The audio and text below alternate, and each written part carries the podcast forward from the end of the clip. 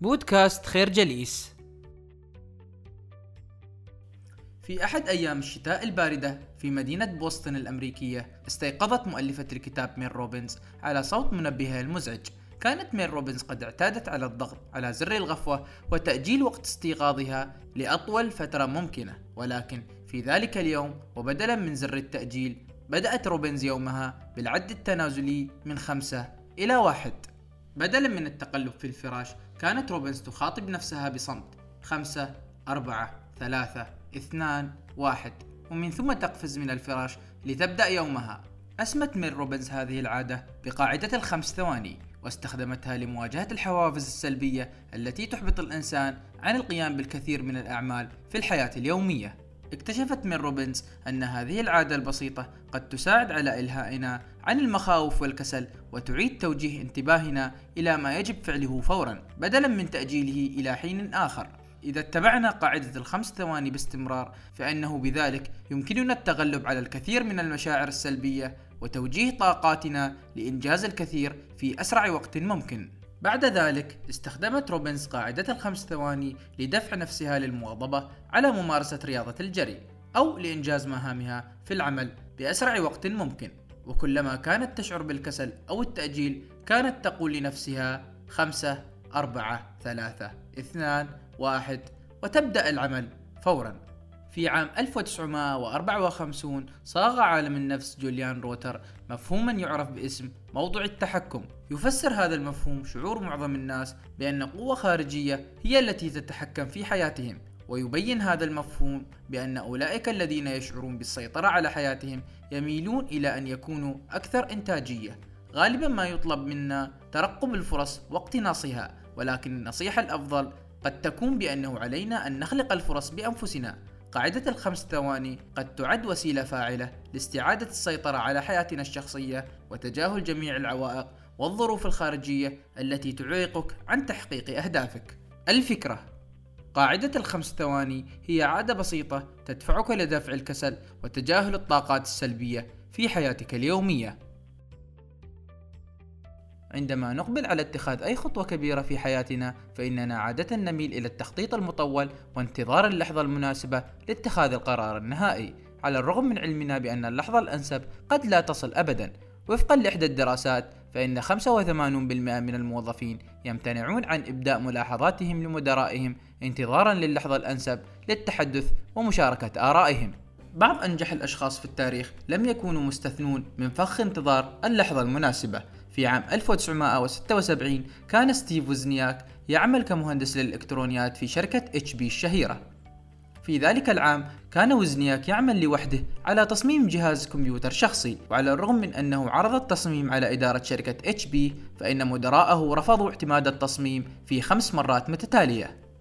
في المقابل عرض عليه صديقه ستيف جوبز أن يؤسس الاثنان شركة خاصة ويبدأوا بيع جهاز وزنياك بأنفسهم. وفي أول محاولة لهم تمكن جوبز ووزنياك من بيع أول جهاز كمبيوتر مقابل 666 دولار.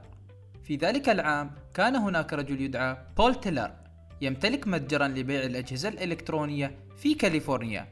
كان تيلر قد سمع عن اختراع وزنياك والشركة التي أسسها بالتعاون مع ستيف جوبز.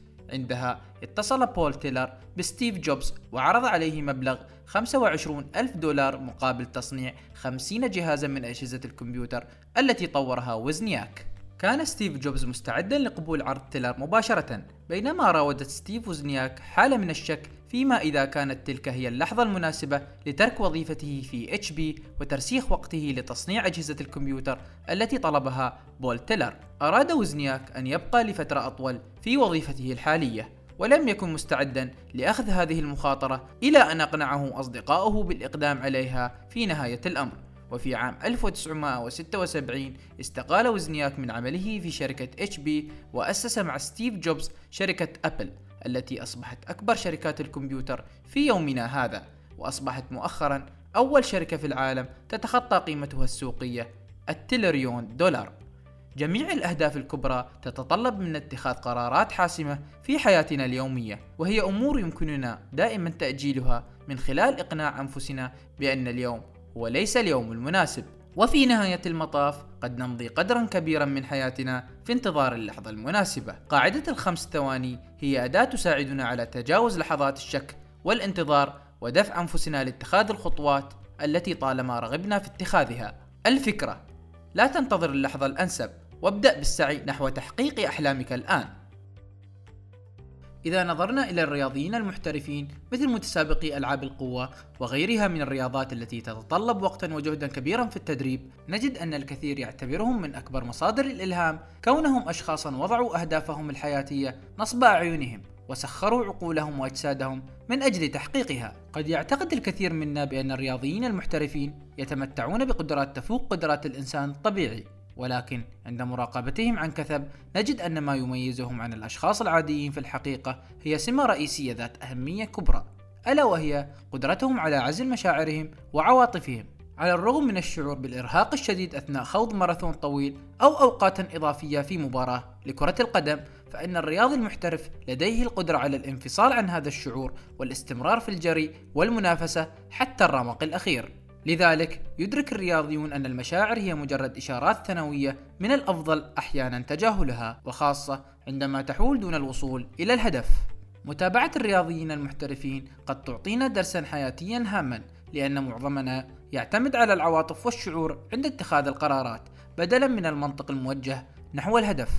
وفقا لعالم الأعصاب أنطونيو داماسيو فإن عواطفنا هي العامل الحاسم في 95% من قراراتنا. أجرى داماسيو عدة أبحاث على أشخاص كانوا يعانون من أمراض دماغية كانت تمنعهم من الإحساس بالعواطف والمشاعر. وعلى الرغم من أن هؤلاء الأشخاص تمكنوا من تحديد إيجابيات وسلبيات الخيارات المطروحة أمامهم إلا أنهم لم يتمكنوا من اتخاذ أي قرارات في غياب المشاعر. دفع هذا العمل أنطونيو داماسيو إلى الاعتقاد بأن المشاعر هي المحرك الأساسي لاتخاذ القرارات لدى البشر.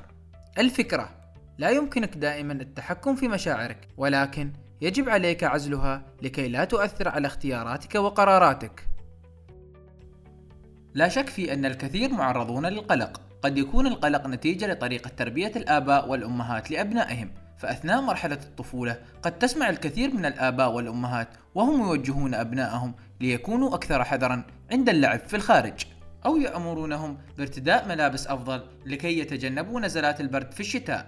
نتيجة لذلك يمضي الكثير من الأشخاص البالغين وقتا طويلا في القلق بشأن أشياء خارجة عن سيطرتهم ومن ثم ينتهي بهم المطاف بالندم على الوقت الثمين الذي أهدروه في القلق والتفكير السلبي. الدكتور كارل بليمر المختص بدراسات علم النفس لدى كبار السن قضى أكثر من عشر سنوات في محاورة أكثر من 1200 من كبار السن. من خلال محادثته معهم وجد الدكتور بليمر بأن معظم كبار السن يعتقدون بأنهم قد أضاعوا الكثير من وقتهم في القلق.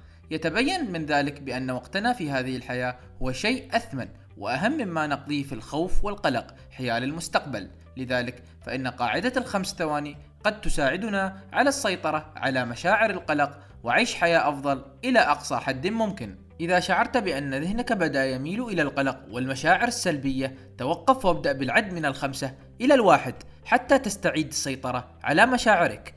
بمجرد وصولك إلى واحد اسأل نفسك هذين السؤالين. ما هي النعم التي يجب أن أشكر الله عليها في هذه اللحظة؟ وما هي المشاعر الإيجابية التي أستطيع تذكرها؟ إن الإجابة على هذه الأسئلة ستساعدك على تحويل تركيزك بعيدا عن القلق وإلى الجوانب الأكثر إيجابية في حياتك. تذكر دائما بأن هناك أجزاء مهمة من حياتك مثل علاقاتك الاجتماعية والأهداف التي تطمح إلى تحقيقها. لذلك استخدم قاعدة الخمس ثواني لتذكير نفسك بأهدافك الاسمى الفكرة لا تندم على الوقت الذي تقضيه في التفكير بل أعد توجيه مشاعرك للشعور بالامتنان والطاقة الإيجابية.